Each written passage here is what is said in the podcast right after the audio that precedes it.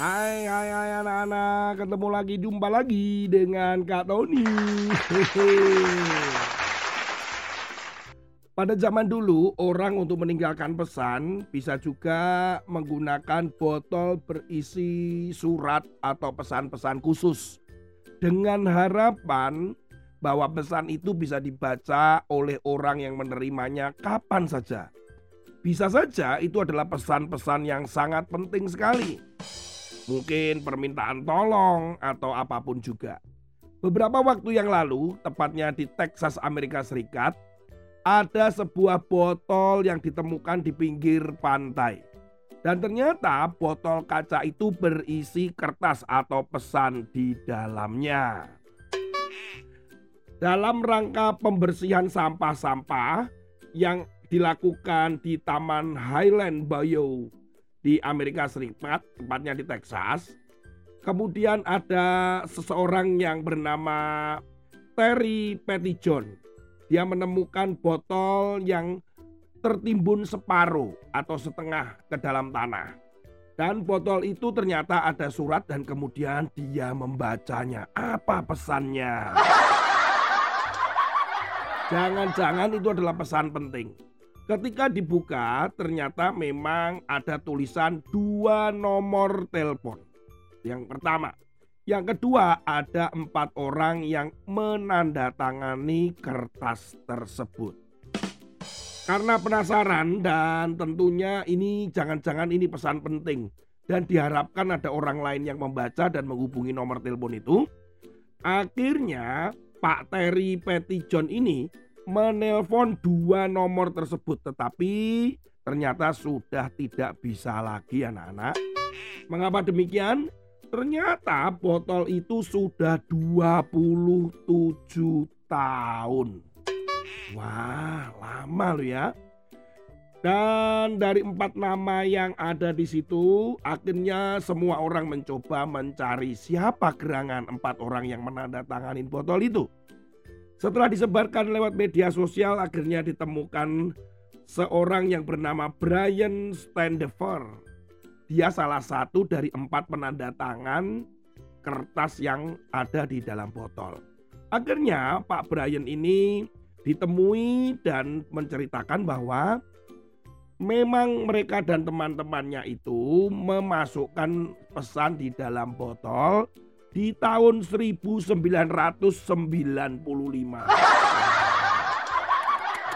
Sementara balon itu ditemukan tahun 2022.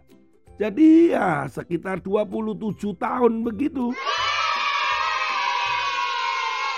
Nah anak-anak memang setiap pesan-pesan itu dimasukkan ke dalam botol supaya ada yang membaca. Ada harapan. Siapa yang membaca? Siapa yang bisa menolong? Nah firman Tuhan hari ini menarik sekali Ternyata orang yang sombong sekali lagi apa sombong itu punya ciri-ciri sering kali tidak menepati janji. Amsal pasal 25 ayat yang ke-14. Awan dan angin tanpa hujan Demikianlah orang yang menyombongkan diri dengan hadiah yang tidak pernah diberikannya.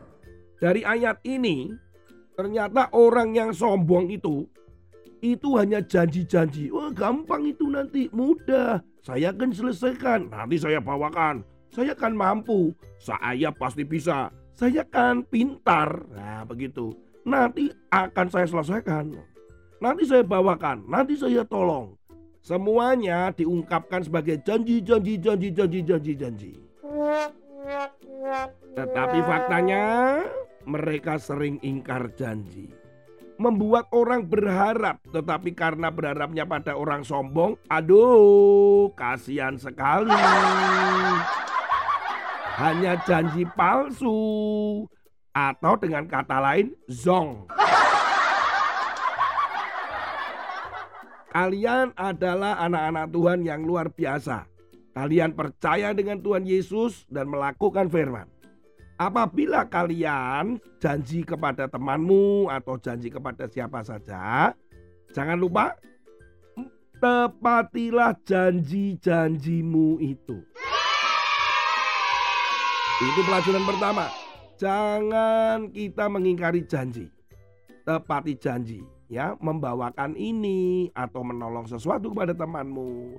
Tepatilah janji yang engkau katakan. Yang kedua, hati-hati dengan orang yang suka janji-janji diawali kelihatan sombong sekali.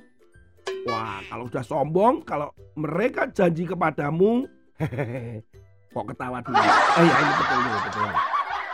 Jangan banyak berharap. Jadi kalau kita banyak berharap nanti kuciwa, eh kok kuciwa, kecewa anak-anaknya. Jadi harus hati-hati. Baik firman Tuhan, biar ini memberkati kalian. Jadi tetaplah kalian menepati janjimu yang pertama. Yang kedua, hati-hati kalau ketemu dengan orang yang suka-suka janji, apalagi dia orang yang sombong.